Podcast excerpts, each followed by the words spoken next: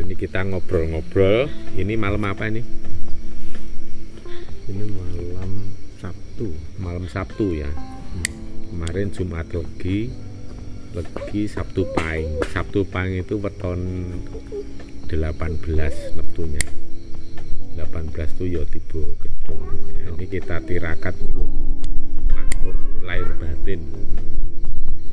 Ini biasa kita nyalakan dupa seperti ini karena di mana pun tempat kita ini kan selalu berdampingan dengan semua makhluk terutama makhluk yang kasat mata yang tak kasat mata. Jadi ini seperti ini sebagai cara untuk menyapa sedulur-sedulur alus. Jadi kita jadi orang jadi manusia itu juga jangan sombong lah mentang-mentang jadi manusia terus nganggep makhluk halus itu makhluk yang yang remeh yang hina ya jangan lah nanti justru kemuliaan bangsa manusia itu bisa turun karena apa? Ya karena suka menghina makhluk yang lain. Gitu. Eh mau ikut sini nggak? Saya duduk sini. Sini dulu sebentar nanti boleh di situ lagi. Sini. Sini sebentar aja sini duduk sini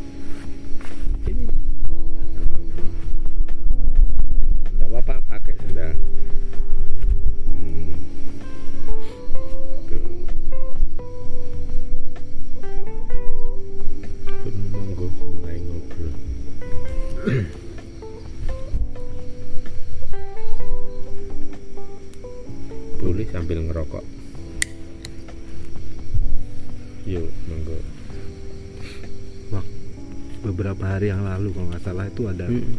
ada SMS dari BMKG Oh, kalau nggak salah itu ada peringatan tsunami sebesar 8,5 skala Richter di, Ja- di Jawa Timur. Wah ya itu.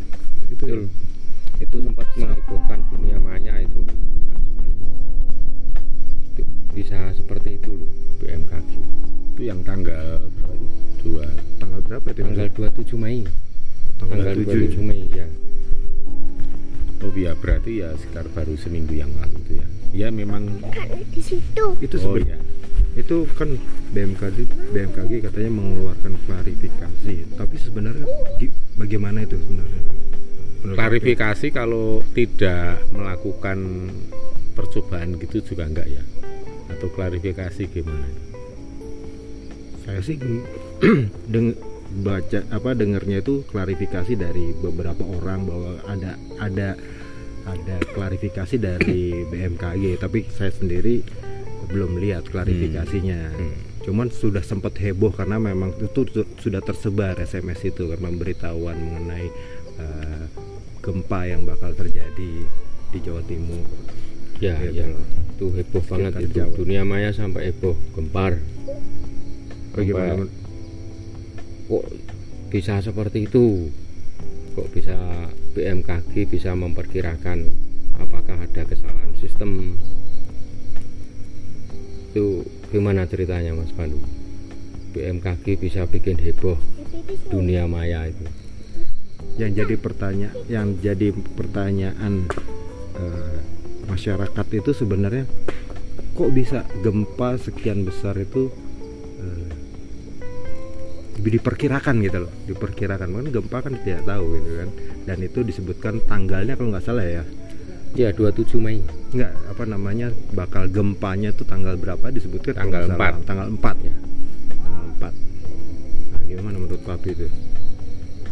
Jadi gini ya kita tuh hidup di Indonesia masyarakat 62 itu kan kalau kita lihat itu di media sosial ya itu kan kadang terlalu reaksioner itu menanggapi segala sesuatu jadi orang yang terlalu reaksioner itu juga bisa dikatakan terlalu kagetan dan gumunan Oh. Padahal kan kita sendiri itu sebagai orang Jawa yang nguri-uri kearifan lokal atau lokal wisdom itu kan ada yang namanya wewarah atau ngelmu supaya menjadi orang itu ojo kagetan, ojo gumunan.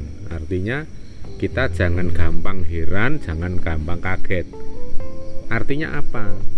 Ya artinya supaya kita tuh selalu menanggapi segala sesuatu baik itu informasi yang resmi dari pemerintah yang bisa di cross check diklarifikasi kebenarannya bisa diverifikasi bisa dipertanggungjawabkan maupun berita yang dibuat oleh media sosial ya.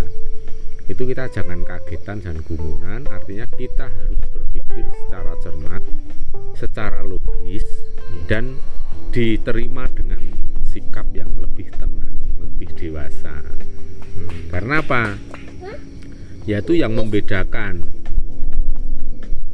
Pipi sama om biasa. Ya, ya sini lagi kalau mau duduk ya itu artinya begini mas. Kita harus membiasakan diri agar menjadi pribadi yang selalu cermat dan bersifat cool, kalem itu loh menanggapi segala sesuatu. Jadi itu ada hubungannya dengan sikap meditatif setiap waktu sikap meditatif itu kan kita berpikir lebih tenang, lebih jernih, jadi mudah sekali untuk merespon segala sesuatu dengan cara yang proporsional, dengan cara yang tepat. Hmm. Jadi nggak gerubyukan gitu. Hmm. Itu di satu sisi seperti itu. Ya kita memang harus belajar untuk membedakan informasi itu keluar dari jurnalisme atau dari media sosial. Hmm. Ya, di sini. Ada yang tahu nggak bedanya? Bed nggak tahu. Jurnal, Jurnal jurnalistik dengan media sosial ada yang tahu nggak? Jurnalistik itu yang menurut saya ya, jurnalistik itu ada data di belakangnya, ya kan? Ya betul ya, ya. Hmm. Ada data berdasarkan data-data yang didapat. Tapi kalau misal media media sosial itu kan hanya semacam omongan atau rumor. Ya, ya, ya seperti itu. Artinya kalau jurnalistik itu ada metode untuk mengumpulkan berita sehingga bisa dipercaya kebenarannya bisa divalidasi bisa diverifikasi. Artinya dibuktikan oh ini informasi ini benar. Ya ya oleh sebab itu kalau jurnalisme itu harus ada cross check dengan narasumber dengan orang pelakunya atau orang yang mengalami sesuatu. Tapi kalau media sosial orang asal ngomong saja nggak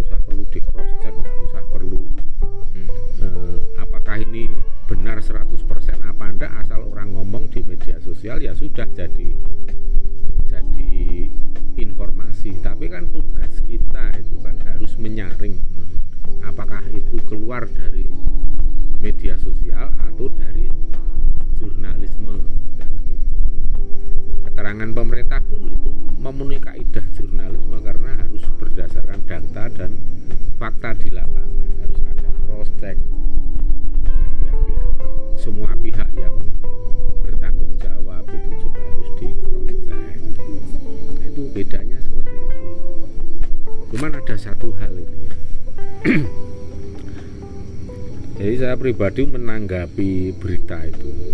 Dan saya dengar katanya memang pihak BMKG sudah mengklarifikasi tidak sedang melakukan uji coba. Ini loh. Oh. Pak Daryono ya itu dari BMKG itu tidak sedang melakukan uji coba. Ini berarti artinya siapa ini humannya ya tidak melakukan uji coba. Otomatis kan kita berpikir bahwa itu yang bekerja seperti itu mesin.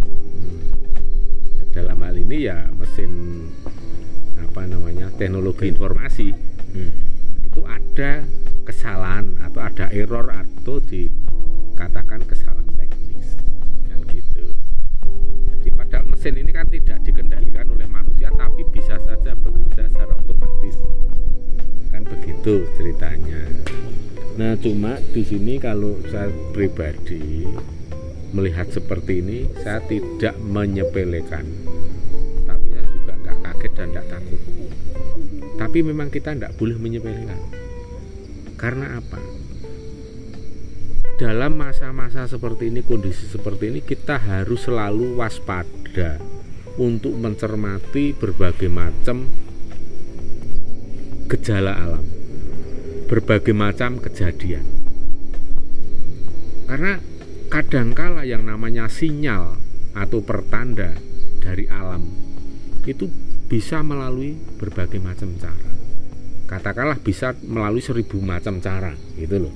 Hmm. bisa jadi itu merupakan sinyal. Memang sinyal bahwa ada mara bahaya besar yang berupa gempa 8,5 skala Richter kemudian disusul tsunami.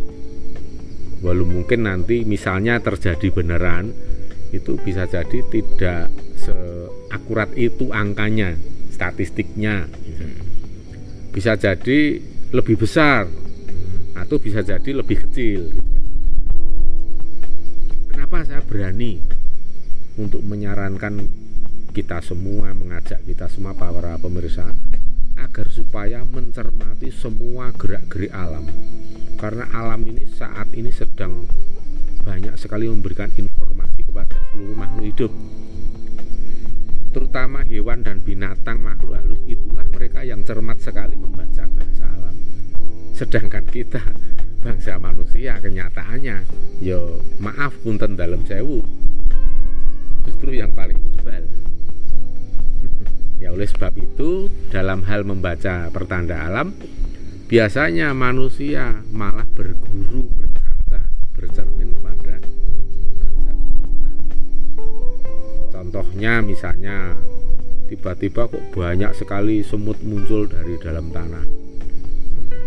Banyak sekali hewan-hewan yang hidupnya di dalam lumpur di dalam tanah pada keluar. Ini kan tidak semestinya berarti ada sesuatu ada apa sehingga membuat ya, hewan itu tidak nyaman di dalam tanah.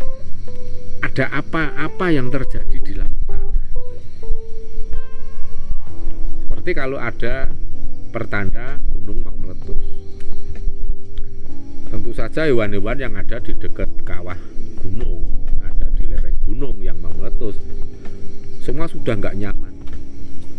Ya merasakan getaran energinya, induksinya, ya panasnya, suhunya, dan lain-lain. Karena binatang ini kan peka sekali jadi begitu ada perubahan dari habitat sehari-hari biasanya begini. Tiba-tiba kok berubah. Hewan pasti menangkap sinyal itu. Ini ada marah ada binatang yang menjadi korban letusan gunung hewan liar ya ini ya kecuali kalau yang yang dikurung ya. Soalnya nggak bisa lari. Nah itu soalnya nggak bisa lari. Tapi kan setidaknya pemiliknya itu harusnya paham. Ketika mau terjadi gempa besar di Nusa Tenggara Barat sebelumnya itu sudah ditandai dengan ayam yang berkokok yang ribut. Kayak ingin keluar dari kandang, kandang. gitu loh. Itu harusnya membaca. Jadi paling simpel itu membaca bahasa alam. Itu lihatlah habitat yang keluar dari yang seharusnya gitu misalnya kucing kenapa tidur di dalam kamar mandi. Ya. padahal kucing itu kan takut air. Ya. nggak mau di tempat dingin tapi kucing ribut cari tempat yang dingin untuk tidur di situ. Cacing-cacing pada keluar dari tanah. Itu juga kita harus mencermati tanda alam seperti itu. Walaupun tidak selalu itu merupakan tanda akan terjadi gempa. Hmm. bisa jadi dalam tanah itu memang sedang terjadi kondisi yang panas sekali karena air tiba-tiba surut air tanah itu hilang itu bisa jadi nggak nyaman kan otomatis hewan-hewan yang ada di dalam tanah itu keluar meninggalkan areal hidupnya di situ, habitatnya di situ. Tapi itu bisa juga menjadi pertanda akan terjadi gempa karena gempa ini juga sebenarnya dari dalam tanah itu ada hawa panas yang muncul.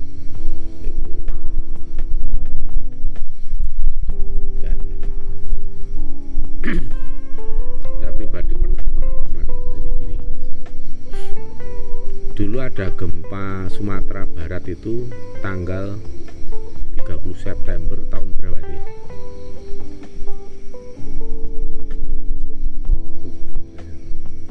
Coba nanti bisa dicek. Sebulan sebelum gempa Sumatera Barat awal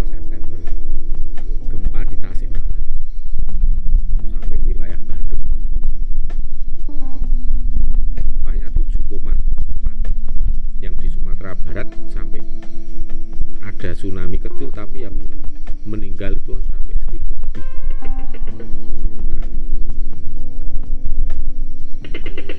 itu kira-kira sebulan sebelum peristiwa gempa di Tasik. Aku sama Mami pulang dari Jakarta ke rumah sampai di rumah nyalakan TV padahal nah aku itu ya nggak begitu hobi nonton TV tapi waktu itu eh nyalain aja TV waktu itu ya cuman ada iklan-iklan kayak itu biasa. Pas waktu itu yang kita setel itu apa ya kalau nggak salah tahun itu masih ada ada ini kalau nggak La- La TV Trans gitu. Masih ada lagi. Iya. Nah, waktu itu sekitar jam 4 sore. Kita Begitu nonton TV, baru nonton begini. Layar TV itu tiba-tiba berubah warna menjadi biru. Oh, biru semua. Jadi gambar yang tadi ada iklan, ada film apa itu hilang. Jadi tampilan warna biru dan ada running tag. Harusnya running tag kan biasanya cuma di bawah. Itu di tengah dan besar pelan begitu. Tulisannya putih. Nah tulisannya gempa 7,4 skala Richter di Bandung dan Jawa Barat. Itu aku sama Mami lihat semua. Jadi kita berdua itu lihat gitu langsung ngambil HP telepon anak-anak di Bandung eh gimana ini? Manu gempa 7,4 gimana gimana lah kita kaget. Hmm. karena yang di Bandung kita telepon itu malah bengong. Nggak ada apa-apa. Kita habis bingung nelpon yang di Bandung. Layar TV udah kembali normal. sampai kita tunggu ada running tag yang kecil di bawah dan kita pindah channel-channel yang lain nggak ada berita sama sekali. Itu berita dari mana? ya nggak tahu. Ya kalau dipikir ini layar TV berubah jadi biru. Apa cuman mata kita saja yang melihat? Sebenarnya TV itu nggak berubah. Cuman clairvoyant namanya. Sesuatu yang tampak ya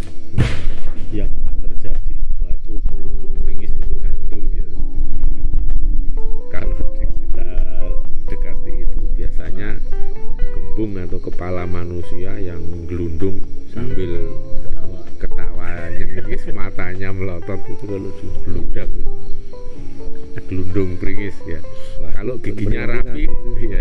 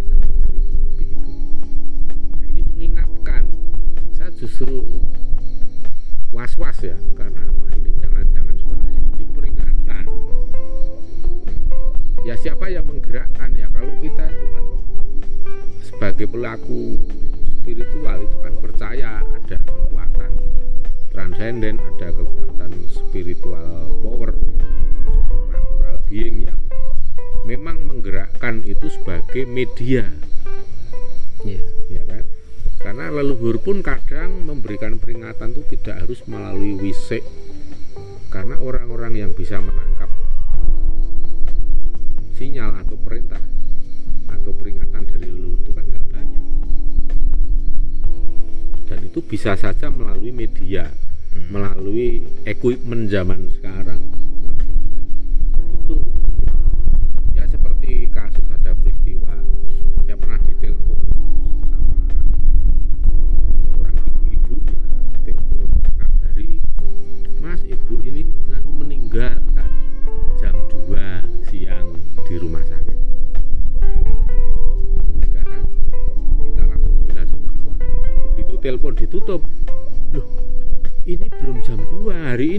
baru baru jam 2 kurang seperempat gitu. terus kita pikir lagi tadi yang telepon itu menyebutkan nama-nama saya ya. Kayak- tadi yang nelpon itu kan dia sendiri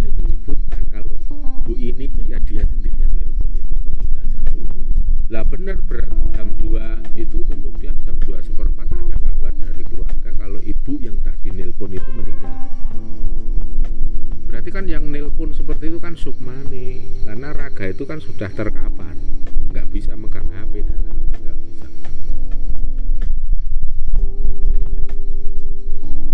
Jadi kalau kita sedulur-sedulur semua yang kulino menjalani lagu prihatin tirakat spiritual ya sudah nggak heran nggak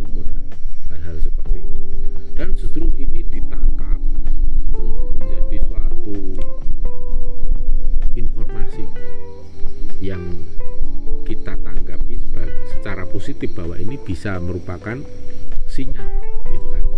Bisa jadi ini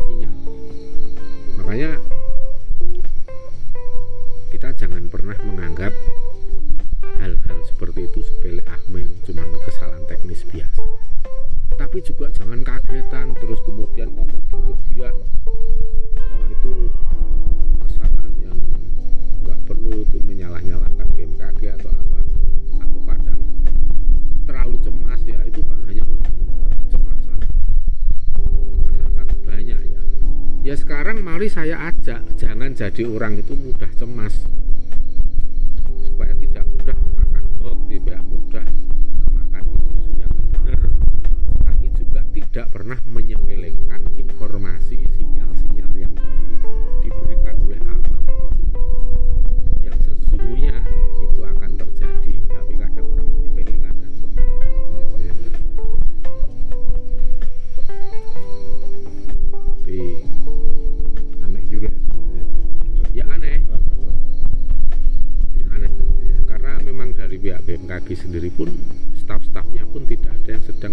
uji coba ya katakanlah semuanya baru diem hanya memantau me- kan komputer internet jaringan networking itu kan semua udah bekerja. Nah ketika ada sesuatu alat itu otomatis mengirim- mengirimkan sinyal. Otomatis sistemnya itu kemudian apa nih me- menyebar SMS gitu kan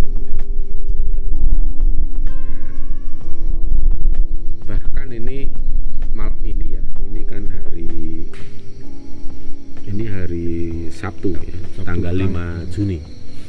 Hari Jumat malam ini tadi. Kira-kira tiga jam yang ya, jam 9 jam 10 malam. Itu BMKG mengeluarkan peringatan lagi gempa dan tsunami itu. Padahal kan tiga hari yang lalu seminggu yang lalu juga sudah mengeluarkan peringatan. Bahkan ini direvisi lagi. Ya, jadi menghimbau masyarakat serta pemerintah daerah melakukan antisipasi berupa mitigasi bencana. Potensi gempa hingga 8,7 skala Richter kemudian bisa menimbulkan atau men-trigger trigger efek menimbulkan tsunami bahkan sampai mencapai 29 atau 30 meter kan gitu. Ya memang ada yang merespon itu terlalu menakut-nakuti masyarakat. Ya bagi saya yo nggak usah terlalu takut. Itu kita terima sebagai informasi yang bagus untuk well prepare kan begitu? Nggak perlu kita terus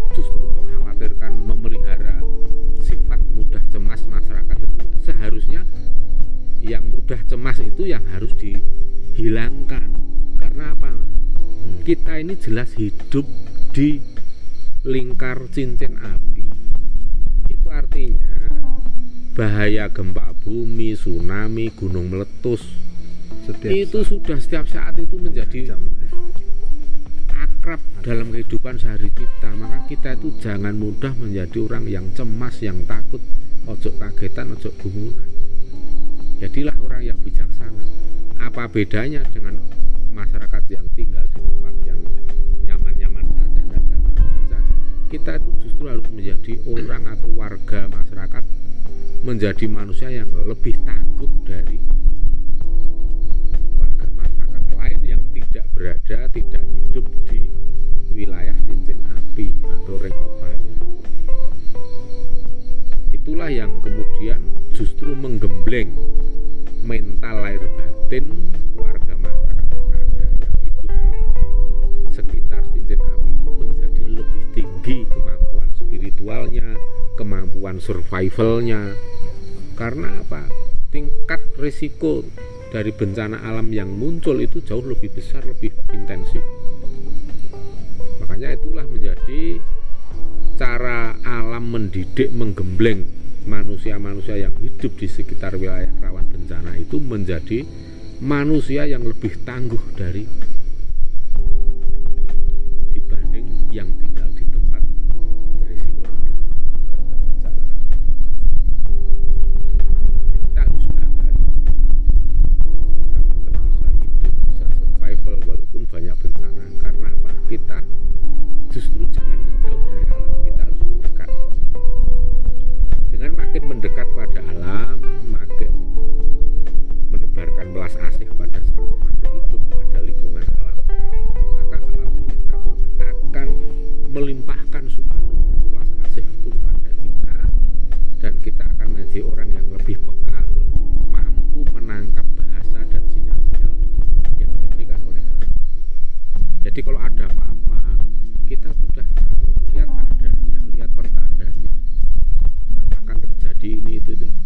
cobalah orang Jawa di zaman dulu nenek moyang kita.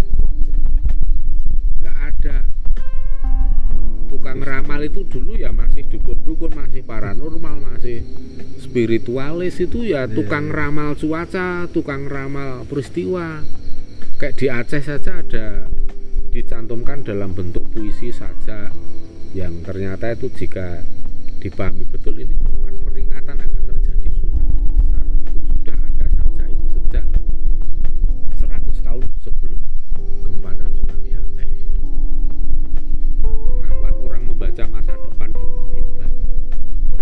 di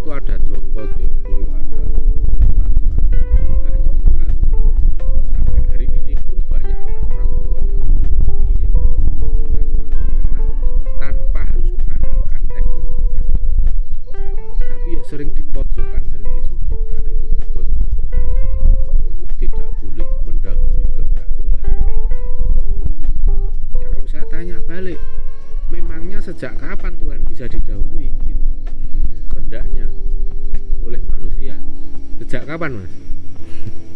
Eh? nggak ada. Yaitu yang justru sempit pemikirannya itu orang yang menyangka bahwa kehendak Tuhan itu bisa didahului. Itu justru orang yang sempit pemikirannya pemahamannya. Nah, bagi saya pribadi kehendak Tuhan itu nggak bisa didahului. Mau kita memprediksi meramal satu miliar tahun yang akan datang dan itu tepat. Ya menurut pemahaman saya tetap nggak bisa melampaui kehendak Tuhan Wong saya menganggap kehendak Tuhan itu sudah 2 miliar 10 miliar tahun yang akan datang kok. Ya enggak, logikanya Betul, kan begitu. betul. Ya kalau kita ngeramal besok akan apa, terjadi apa, terus itu dianggap mendahului kehendak Tuhan. Ya kok lemah banget sih Tuhan. Masa besok aja belum berkehendak. cara berpikirnya ya. Ini sebenarnya cara berpikir yang salah. Mari kita koreksi supaya menjadi orang yang lebih. Sehingga orang lebih mampu untuk gayuh kawicaksanaan Gusti. Bisa memahami kehendak Tuhan, bisa memahami hukum alam ini seperti apa. Wong tata hukum keseimbangan alam itu maha adil kok. Dan tidak pernah membeda-bedakan suku, ras, bangsa, bahasa dan lain-lain tidak pernah. Itulah makanya orang modern itu pinter, kalah cermat, kalah tajam dibanding bangsa binatang.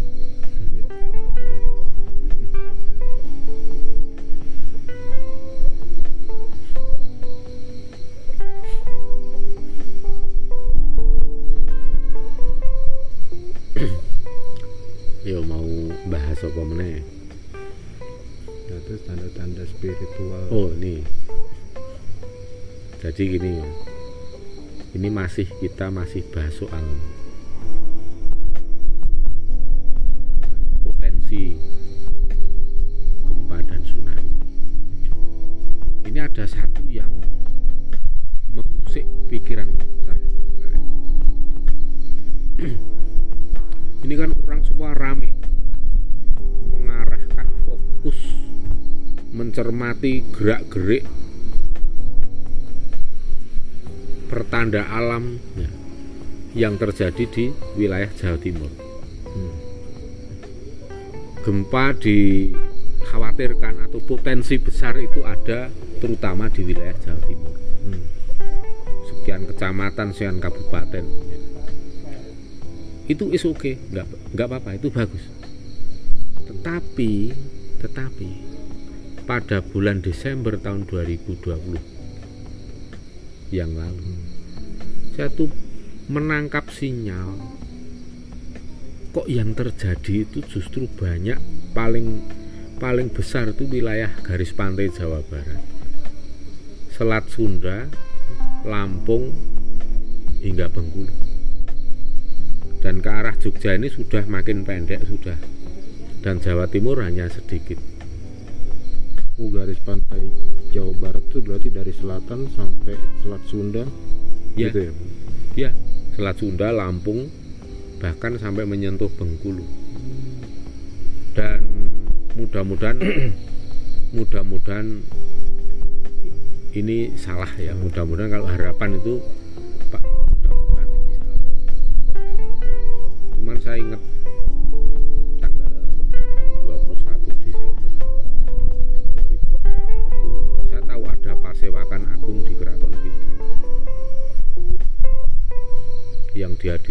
raja-raja semua leluhur agung di seluruh Nusantara. Dan yang fokusnya membahas hal ini resiko ini. Dan para leluhur dan beliau kanjeng ratu itu juga mengajak memohon pada para leluhur agung terutama yang memiliki kemampuan khusus untuk bisa meredam atau mengurangi energi yang terakumulasi di tempat-tempat akan terjadi gempa yang bisa menimbulkan tsunami. Sebisanya untuk dirilis boko sitik atau dikit demi dikit gitu.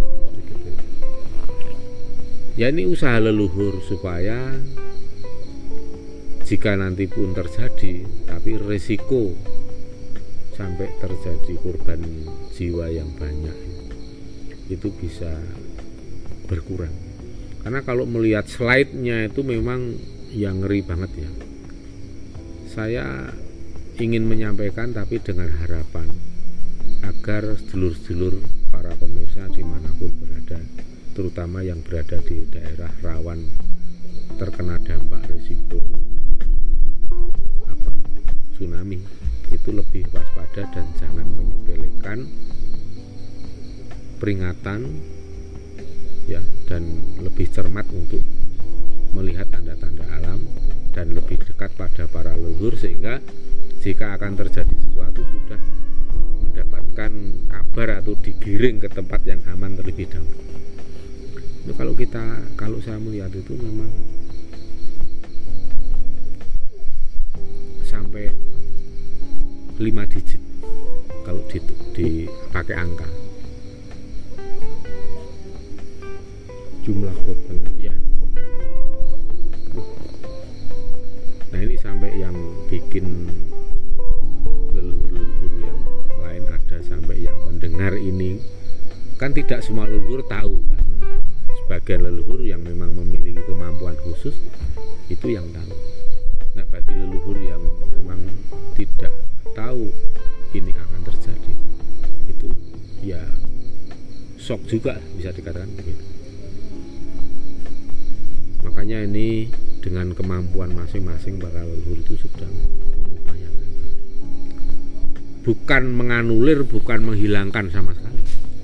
Ya, tapi mengurangi dampak ya ya hanya mengurangi dampak mengurangi intensitas atau kualitas dari bencana alam itu sendiri.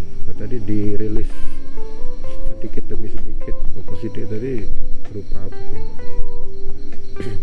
kalau yang sudah sudah itu ya ada leluhur-leluhur yang memang memiliki pusaka khusus yang dilemparkan ke tempat-tempat yang bakal terjadi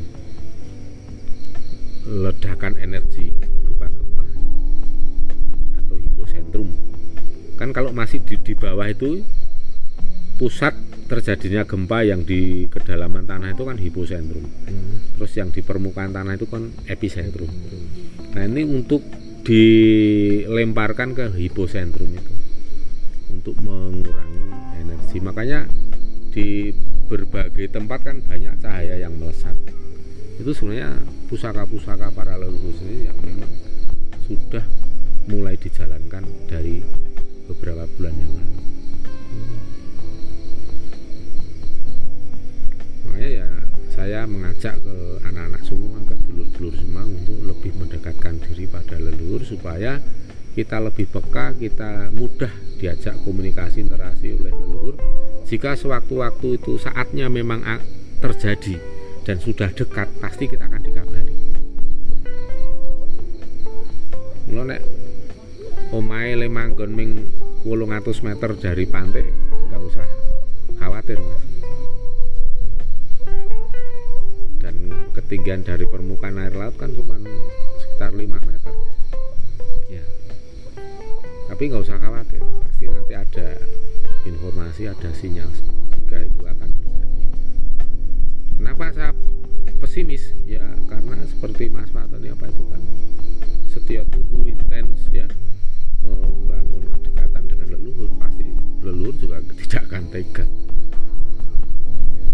Membiarkan ya kalau untuk urusan bondo kayak rumah perabot elektronik ya wes lah di kelas kewe tidak masalah. Yang penting keselamatan jiwa kita. Itu aja. Dan kalau parkir mobil itu parkir sepeda motor kendaraan itu sebisa mungkin ya wis dihadapkan ke arah jalan. Jadi jika sewaktu-waktu karena peringatan dari BMKG sendiri kayak wilayah Jawa Timur itu jika itu terjadi tsunami maka ada kesempatan antara 20 menit sampai 29 atau 30 menit. Dan 20 menit itu waktu yang sangat singkat ya tinggal tergantung letak epicentrum gempa dengan daratan itu jauh apa dekat. Kalau jauh ya ada waktu lebih lama kalau dekat ya mungkin 12 menit 15 menit tahu-tahu udah gulung kan. Iya, iya, iya. ya seperti itulah. Ya kalau kita membayangkan rumah yang cuma tingginya berapa 7 meter ya nek kelelep dari 20 meter di bawah permukaan air. Ya ya heboh tapi ya kita nggak perlu berlebihan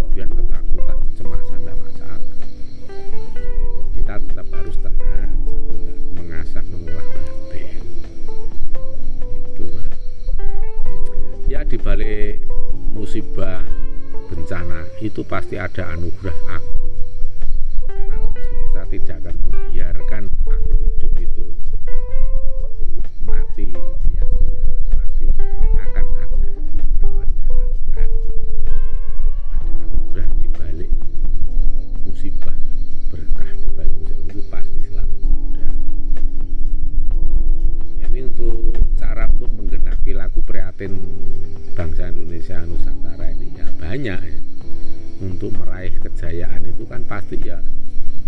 Ya harus gentur prihatin lebih berat dari negara-negara yang lainnya tapi nanti pada saatnya tiba Indonesia akan jaya mencapai kemasan dan akan menjadi mercusuar dunia itu ya bukan sesuatu yang muluk-muluk sesuatu yang utopis ya. Kalau saya melihat ya realistis dan itu pasti akan terjadi. Pasti akan terjadi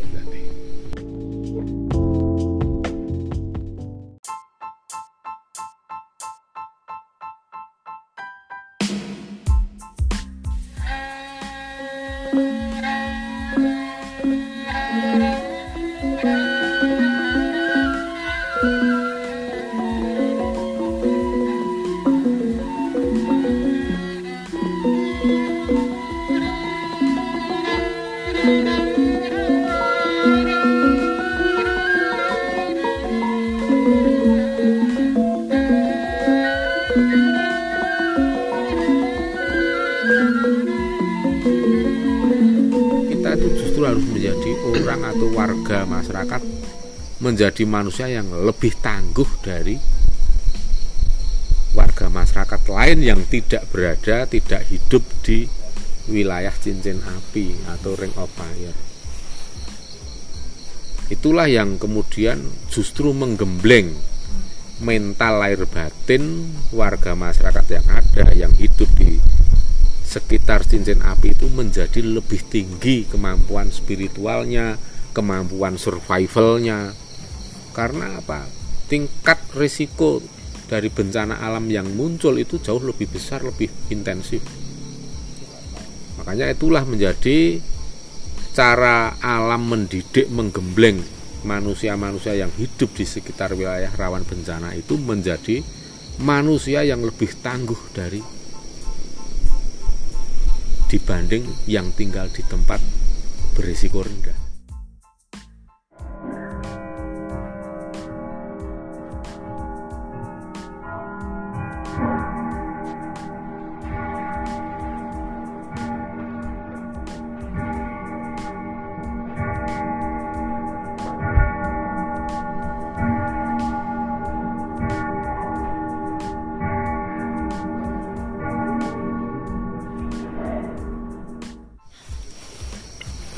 Kita ngobrol-ngobrol.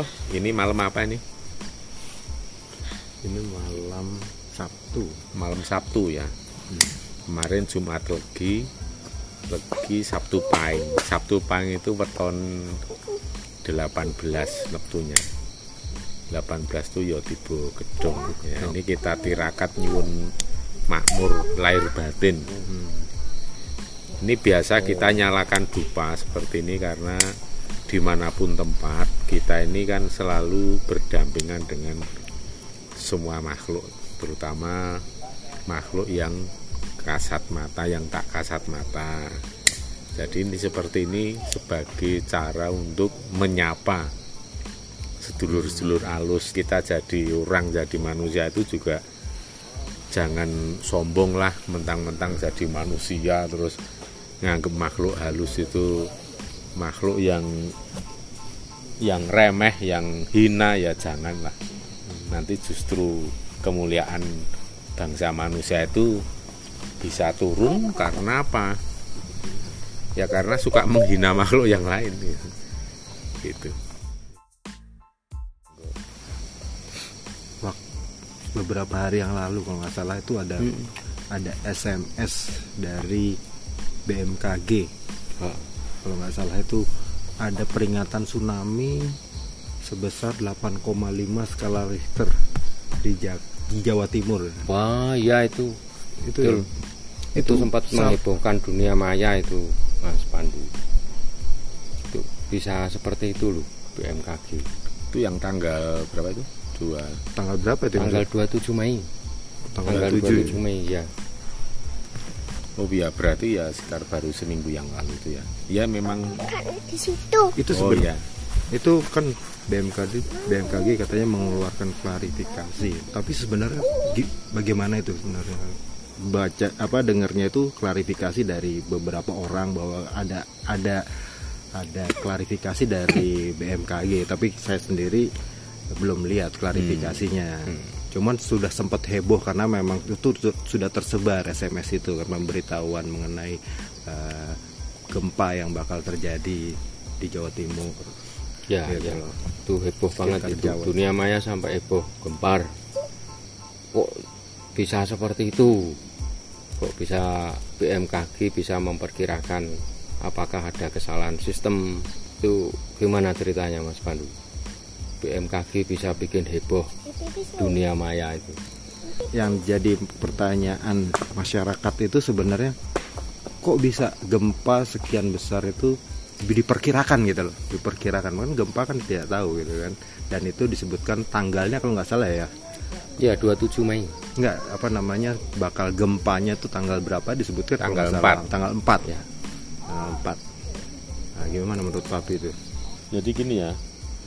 Kita itu hidup di Indonesia masyarakat 62 kalau kita lihat itu di media sosial ya itu kan kadang terlalu reaksioner itu menanggapi segala sesuatu. Jadi orang yang terlalu reaksioner itu juga bisa dikatakan terlalu kagetan dan gumunan. Oh. Padahal kan kita sendiri itu sebagai orang Jawa yang nguri-uri kearifan lokal atau lokal wisdom itu kan ada yang namanya wewarah atau ngelmu supaya menjadi orang itu ojo kagetan, ojo gumunan. Artinya kita jangan gampang heran, jangan gampang kaget. Artinya apa? Ya artinya supaya kita itu selalu menanggapi segala sesuatu baik itu informasi yang resmi dari pemerintah yang bisa di cross check, diklarifikasi kebenarannya bisa diverifikasi, bisa dipertanggungjawabkan maupun berita yang dibuat oleh media sosial ya. Itu kita jangan kagetan dan gumunan, artinya kita harus berpikir secara cermat, secara logis dan diterima dengan sikap yang lebih tenang, lebih dewasa. Karena apa? Yaitu yang membedakan pipis sama om biasa. Ya. Ya sini lagi kalau mau duduk sini. Ya itu artinya begini, Mas. Kita harus membiasakan diri agar menjadi pribadi yang selalu cermat dan bersifat cool, kalem itu loh menanggapi segala sesuatu. Jadi itu ada hubungannya dengan sikap meditatif setiap waktu. Sikap meditatif itu kan kita berpikir lebih tenang, lebih jernih, jadi mudah sekali untuk merespon segala sesuatu dengan cara yang proporsional, dengan cara yang tepat. Jadi nggak gerubyukan gitu. Itu di satu sisi seperti itu. Ya kita memang harus belajar untuk membedakan informasi itu keluar dari jurnalisme atau dari media sosial. tadi aku di sini. Ada yang tahu nggak bedanya? Bed- nggak tahu. Jurnalistik dengan media sosial ada yang tahu nggak? jurnalistik tuh yang menurut saya ya, jurnalistik itu ada data di belakangnya ya kan? Ya betul ya Bu ya. Ada data berdasarkan data-data yang ya, didapat. Tapi kalau misal media media sosial itu kan hanya semacam omongan atau rumor. Ya, ya, ya seperti itu. Artinya kalau jurnalistik itu ada metode untuk mengumpulkan berita sehingga bisa dipercaya kebenarannya bisa divalidasi, bisa diverifikasi. Artinya dibuktikan oh ini informasi ini benar. ya Ya oleh sebab itu kalau jurnalisme itu harus ada cross check dengan narasumber, dengan orang pelakunya atau orang yang mengalami sesuatu. Tapi kalau media sosial orang asal ngomong saja, nggak usah perlu di cross check, nggak usah perlu eh, apakah ini benar 100% apa anda asal orang ngomong di media sosial ya sudah jadi informasi. Tapi kan tugas kita itu kan harus menyaring. Apakah itu keluar dari media sosial atau dari jurnalisme kan gitu keterangan pemerintah pun itu memenuhi kaidah jurnalisme karena harus berdasarkan data dan fakta di lapangan. Harus ada cross check dengan pihak-pihak. Semua pihak yang bertanggung jawab itu juga harus di cross check nah, itu bedanya seperti itu. Cuman ada satu hal ini ya. Jadi saya pribadi menanggapi berita itu. Dan saya dengar katanya memang pihak BMKG sudah mengklarifikasi tidak sedang melakukan uji coba ini loh Oh, Pak Daryono ya itu dari BMKG itu tidak sedang melakukan uji coba. Ini berarti artinya siapa ini? Hmm. Ya kalau humannya ya tidak melakukan uji coba, otomatis kan kita berpikir bahwa itu yang bekerja seperti itu mesin. Hmm. Dalam hal ini ya mesin teknologi informasi Hmm. itu ada kesalahan atau ada error atau dikatakan kesalahan teknis kan gitu. Jadi padahal mesin ini kan bisa saja bekerja secara otomatis. Kan begitu ceritanya. Nah, cuma di sini kalau saya pribadi melihat seperti ini, saya tidak menyepelekan. Tapi saya juga nggak kaget dan nggak takut. Memang kita nggak boleh menyepelekan. Karena apa? Dalam masa-masa seperti ini, kondisi seperti ini, kita harus selalu waspada untuk mencermati berbagai macam gejala alam, berbagai macam kejadian. Karena kadangkala yang namanya sinyal atau pertanda dari alam itu bisa melalui berbagai macam cara. Katakanlah bisa melalui seribu macam cara, gitu loh. Bisa jadi itu merupakan sinyal. Memang sinyal bahwa ada mara bahaya besar yang berupa gempa 8,5 skala Richter kemudian disusul tsunami. Walau mungkin nanti misalnya terjadi beneran itu bisa jadi tidak seakurat itu angkanya statistiknya. Bisa jadi lebih besar atau bisa jadi lebih kecil gitu kan Kenapa saya berani untuk menyarankan kita semua, mengajak kita semua para pemirsa agar supaya mencermati semua gerak-gerik alam. Karena alam ini saat ini sedang banyak sekali memberikan informasi kepada seluruh makhluk hidup, terutama hewan dan binatang makhluk halus itulah mereka yang cermat sekali membaca bahasa alam. Sedangkan kita bangsa manusia kenyataannya yo maaf punten dalam sewu justru yang paling bebal. ya oleh sebab itu dalam hal membaca pertanda alam biasanya manusia malah berguru berkaca bercermin kepada bangsa binatang. Contohnya misalnya tiba-tiba kok banyak sekali semut muncul dari dalam tanah. Hmm. Banyak sekali hewan-hewan yang hidupnya di dalam lumpur, di dalam tanah pada keluar. Ini kan tidak semestinya. Berarti ada sesuatu ada apa? Sehingga membuat ya, hewan itu tidak nyaman di dalam tanah. Ada apa-apa yang terjadi di dalam tanah? Seperti kalau ada pertanda gunung mau meletus. Tentu saja hewan-hewan yang ada di dekat kawah gunung ada di lereng gunung yang mau meletus semua sudah nggak nyaman ya merasakan getaran energinya, induksinya, ya panasnya, suhunya dan lain-lain. Karena binatang ini kan peka sekali, jadi Betul. begitu ada perubahan dari habitat sehari-hari biasanya begini, tiba-tiba kok berubah. Hmm. Hewan pasti menangkap sinyal itu. Ini ada marah bahaya menjauh. Makanya tidak ada binatang yang menjadi korban letusan gunung hewan liar ya ini ya. ya. Kecuali kalau yang yang dikurung ya. Soalnya nggak bisa lari. Nah, itu soalnya nggak bisa lari. Tapi kan setidaknya pemiliknya itu harusnya paham. Ketika mau terjadi gempa besar di Nusa Tenggara Barat itu. Sebelumnya itu sudah ditandai dengan ayam yang berkokok yang ribut kayak ingin keluar dari kandang, gitu loh. Itu harusnya membaca. Jadi paling simpel itu membaca bahasa alam itu lihatlah habitat yang keluar dari yang seharusnya gitu loh. Misalnya kucing kenapa tidur di dalam kamar mandi? Iya. Padahal kucing itu kan takut air. Iya. nggak mau di tempat dingin tapi kucing ribut cari tempat yang dingin untuk tidur di situ. Cacing-cacing pada keluar dari tanah. Itu juga kita harus mencermati tanda alam seperti itu. Walaupun tidak selalu itu merupakan tanda akan terjadi gempa.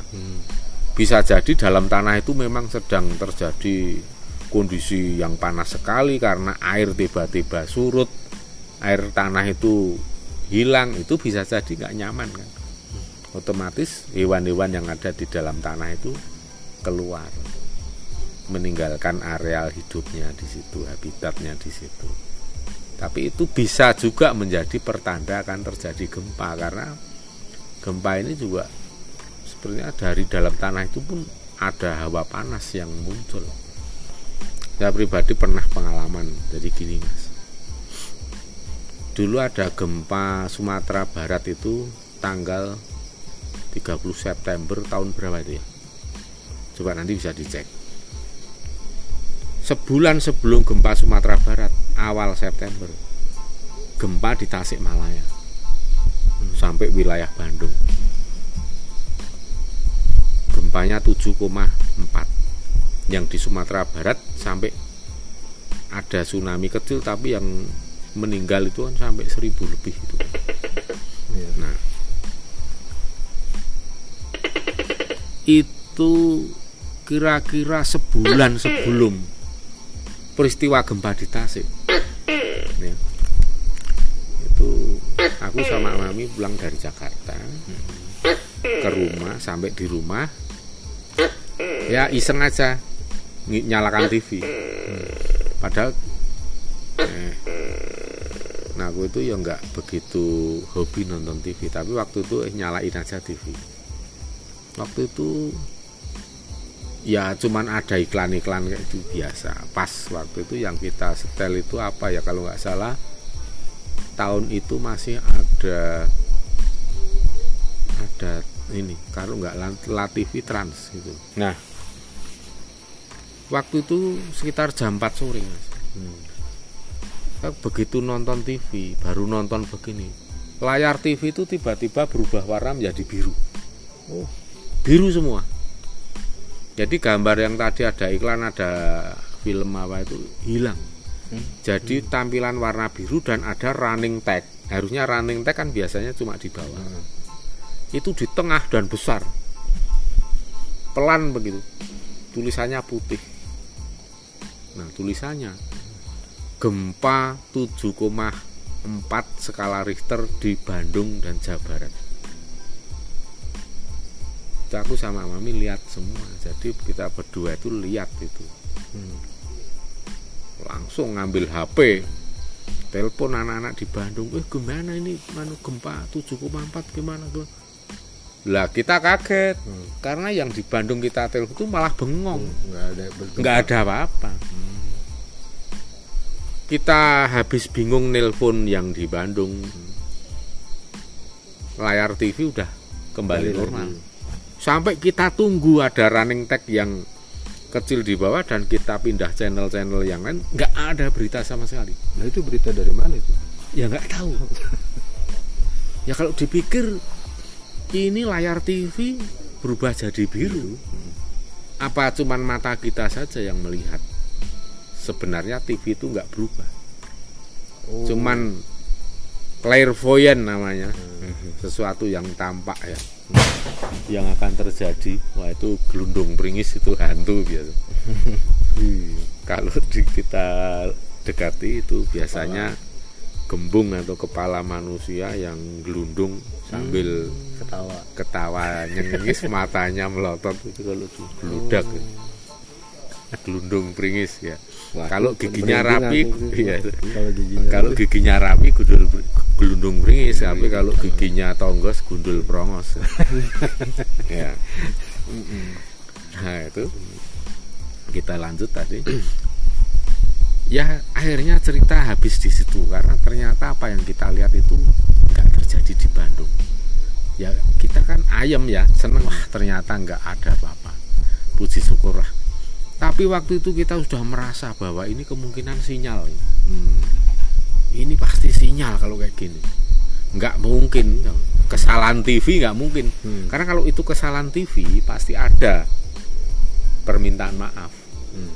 itu TV cuek aja kayak nggak per- terjadi apa-apa kok habis itu berita habis itu siaran itu nggak nggak ada klarifikasi apa-apa berarti kan mungkin orang lain lihat TV channel yang sama nggak akan terjadi apa-apa nggak ada slide warna biru running tag gempa 7,4 SR di Bandung. Akhirnya kita menyadari mungkin memang clairvoyant atau pandangan kita aja yang kemudian seolah-olah kita nonton TV di situ ada running tag yang besar ada peringatan. Nah ini mengingatkan peristiwa itu yang kemudian memang sebulan kemudian terjadi betul-betul gempa 7,4 di Tasik dan banyak sekali korban tanah longsor juga di mana-mana terjadi kan? Akibat adanya gempa itu. Dan sebulan kemudian penutupan September terjadi gempa di Sumatera Barat yang meninggal sampai seribu lebih itu. Nah ini mengingatkan saya justru was-was ya karena wah ini jangan-jangan sebenarnya ini peringatan. Ya siapa yang menggerakkan ya? Kalau kita itu kan sebagai pelaku spiritual. itu kan percaya ada kekuatan transenden ada kekuatan spiritual power ya supernatural being yang memang menggerakkan itu sebagai media. Iya. ya kan karena leluhur pun kadang memberikan peringatan itu tidak harus melalui wisik.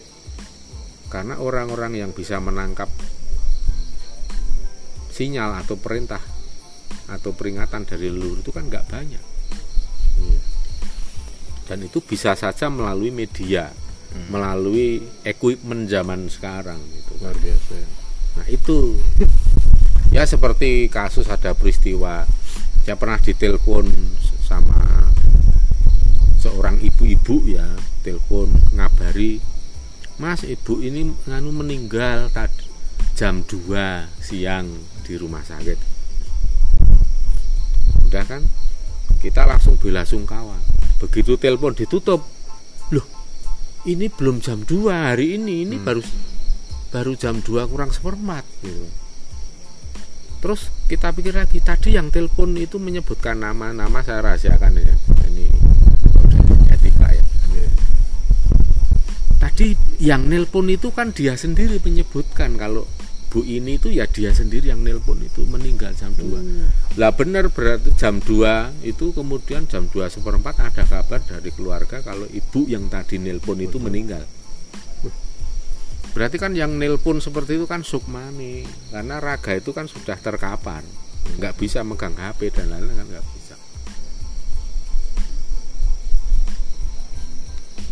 Jadi kalau kita sedulur-sedulur semua yang kulino menjalani laku prihatin, tirakat, spiritual, ya sudah nggak heran, nggak gumun lah hal-hal seperti ini.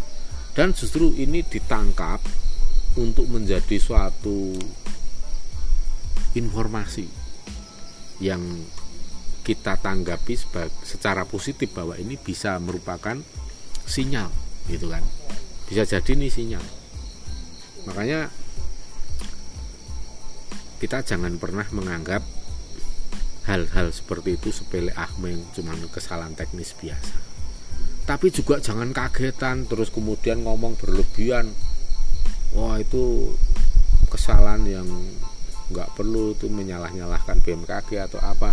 Atau kadang terlalu cemas ya itu kan hanya membuat kecemasan ke masyarakat banyak ya ya sekarang mari saya ajak jangan jadi orang itu mudah cemas gitu.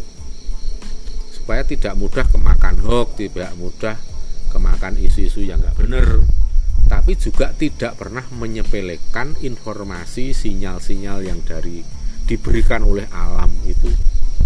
Yang sesungguhnya itu akan terjadi tapi kadang orang menyepelekan kan?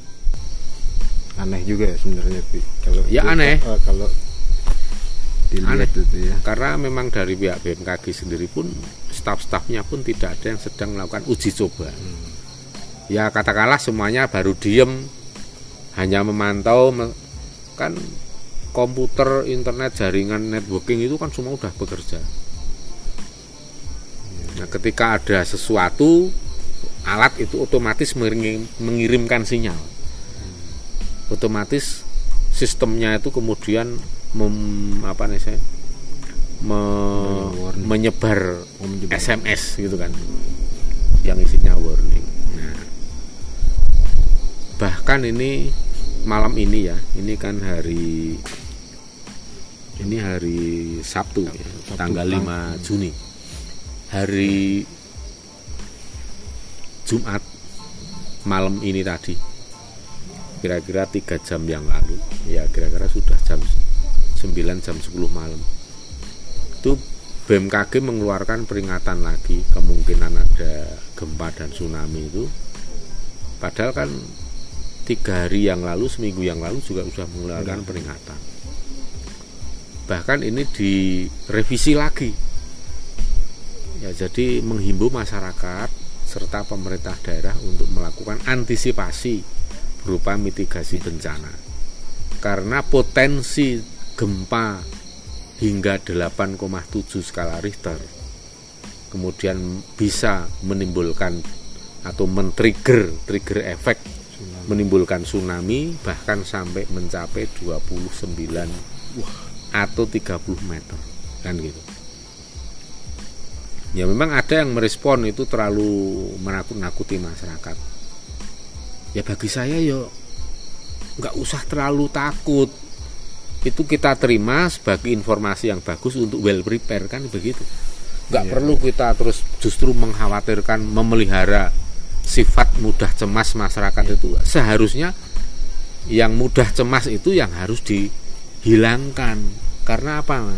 Hmm. kita ini jelas hidup di lingkar cincin api itu artinya bahaya gempa bumi tsunami gunung meletus setiap itu saat. sudah setiap saat itu menjadi mengancam, eh. akrab dalam kehidupan sehari kita. Maka kita itu jangan mudah menjadi orang yang cemas yang takut ojo kagetan ojo gumunan jadilah orang yang bijaksana.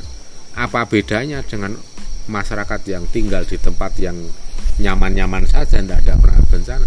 Kita itu justru harus menjadi orang atau warga masyarakat menjadi manusia yang lebih tangguh dari warga masyarakat lain yang tidak berada, tidak hidup di wilayah cincin api atau ring of fire. Itulah yang kemudian justru menggembleng mental lahir batin warga masyarakat yang ada yang hidup di sekitar cincin api itu menjadi lebih tinggi kemampuan spiritualnya, kemampuan survivalnya. Karena apa? Tingkat risiko dari bencana alam yang muncul itu jauh lebih besar, lebih intensif. Makanya itulah menjadi cara alam mendidik, menggembleng manusia-manusia yang hidup di sekitar wilayah rawan bencana itu menjadi manusia yang lebih tangguh dari dibanding yang tinggal di tempat berisiko rendah terhadap bencana alam. Ya kita harus bangga dong kita tetap bisa hidup bisa survival walaupun banyak bencana. Karena apa? Kita justru jangan menjauh dari alam. Kita harus mendekat. Dengan makin mendekat pada alam makin menebarkan belas asih pada seluruh makhluk hidup kepada lingkungan alam maka alam semesta pun akan melimpahkan semua anugerah belas asih itu kepada kita dan kita akan menjadi orang yang lebih peka, lebih mampu menangkap bahasa dan sinyal-sinyal yang diberikan oleh alam. Jadi kalau ada apa-apa, kita sudah tahu, lihat tandanya, lihat pertandanya. Saat akan terjadi ini itu, itu. ya cobalah orang Jawa di zaman dulu nenek moyang kita itu mas coba nggak ada tukang ramal itu dulu ya masih dukun-dukun masih paranormal masih spiritualis itu ya tukang ramal cuaca tukang ramal peristiwa. Kayak di Aceh saja ada dicantumkan dalam bentuk puisi saja yang ternyata itu jika dipahami betul ini merupakan peringatan akan terjadi tsunami besar. Itu sudah ada saja itu sejak 100 tahun sebelum gempa dan tsunami Aceh. Kemampuan orang membaca masa depan pun hebat di Jawa itu ada Jongko Joyoboyo ada serat-serat banyak sekali. Sampai hari ini pun banyak orang-orang Jawa yang mumpuni yang mampu melihat masa depan tanpa harus mengandalkan teknologi canggih. Tapi ya sering dipojokkan sering disudutkan itu bukan Tuhan sering tidak boleh mendahului kehendak Tuhan gitu kan. ya kalau saya tanya balik memangnya sejak kapan Tuhan bisa didahului kehendaknya oleh manusia? Sejak kapan mas? Eh? nggak ada. Ya itu yang justru sempit pemikirannya itu orang yang menyangka bahwa kehendak Tuhan itu bisa didahului. Itu justru orang yang sempit pemikirannya pemahamannya. Lah bagi saya pribadi kehendak Tuhan itu nggak bisa didahului mau kita memprediksi meramal satu miliar tahun yang akan datang dan itu tepat. Ya menurut pemahaman saya tetap nggak bisa melampaui kehendak Tuhan. Wong saya menganggap kehendak Tuhan itu sudah 2 miliar 10 miliar tahun yang akan datang kok. Ya enggak logikanya Betul, kan begitu ya kalau kita ngeramal besok akan apa terjadi apa terus itu dianggap mendahului kehendak Tuhan. Ya kok lemah banget sih Tuhan. Masa besok aja belum berkehendak cara berpikirnya ya Pi, salah. ini sebenarnya cara berpikir yang salah mari kita koreksi supaya menjadi orang yang lebih cerdas secara spiritual sehingga orang lebih mampu untuk nggayuh kawicaksanan Gusti bisa memahami kehendak Tuhan, bisa memahami hukum alam ini seperti apa. Wong tata hukum keseimbangan alam itu maha adil kok. Dan tidak pernah membeda-bedakan suku, ras, bangsa, bahasa dan lain-lain tidak pernah. Itulah makanya orang Jawa modern itu masih kalah pinter, kalah cermat, kalah tajam dibanding bangsa binatang Iya. ya kan? jadi gini kita masih bahas soal potensi gempa dan tsunami ini ada satu yang mengusik pikiran saya sebenarnya ini kan orang semua rame mengarahkan fokus mencermati gerak-gerik pertanda alam ya, yang terjadi di wilayah Jawa Timur. Gempa dikhawatirkan atau potensi besar itu ada terutama di wilayah Jawa Timur. Hmm. Sekian kecamatan, sekian kabupaten. Itu is oke, okay. nggak nggak apa-apa, itu bagus. Tapi tetapi pada bulan Desember tahun 2020 yang lalu saya tuh menangkap sinyal kok yang terjadi itu justru banyak paling paling besar itu wilayah garis pantai Jawa Barat. Selat Sunda, Lampung hingga Bengkulu. Dan ke arah Jogja ini sudah makin pendek sudah. Dan Jawa Timur hanya sedikit.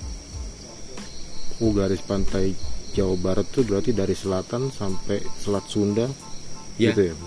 Ya, Selat Sunda, Lampung bahkan sampai menyentuh Bengkulu. Mudah-mudahan ini salah ya. Mudah-mudahan kalau harapan itu mudah-mudahan ini salah. Cuman saya ingat tanggal 21 Desember 2020 itu saya tahu ada pasewakan agung di Keraton Kidul yang dihadiri oleh raja-raja semua leluhur agung di seluruh Nusantara. Dan yang fokusnya membahas hal ini resiko ini dan para leluhur dan beliau kanjeng ratu itu juga mengajak memohon pada para leluhur agung terutama yang memiliki kemampuan khusus untuk bisa meredam atau mengurangi energi yang terakumulasi di tempat-tempat akan terjadi gempa yang bisa menimbulkan tsunami. Sebisanya untuk dirilis boko sidik atau dikit demi dikit.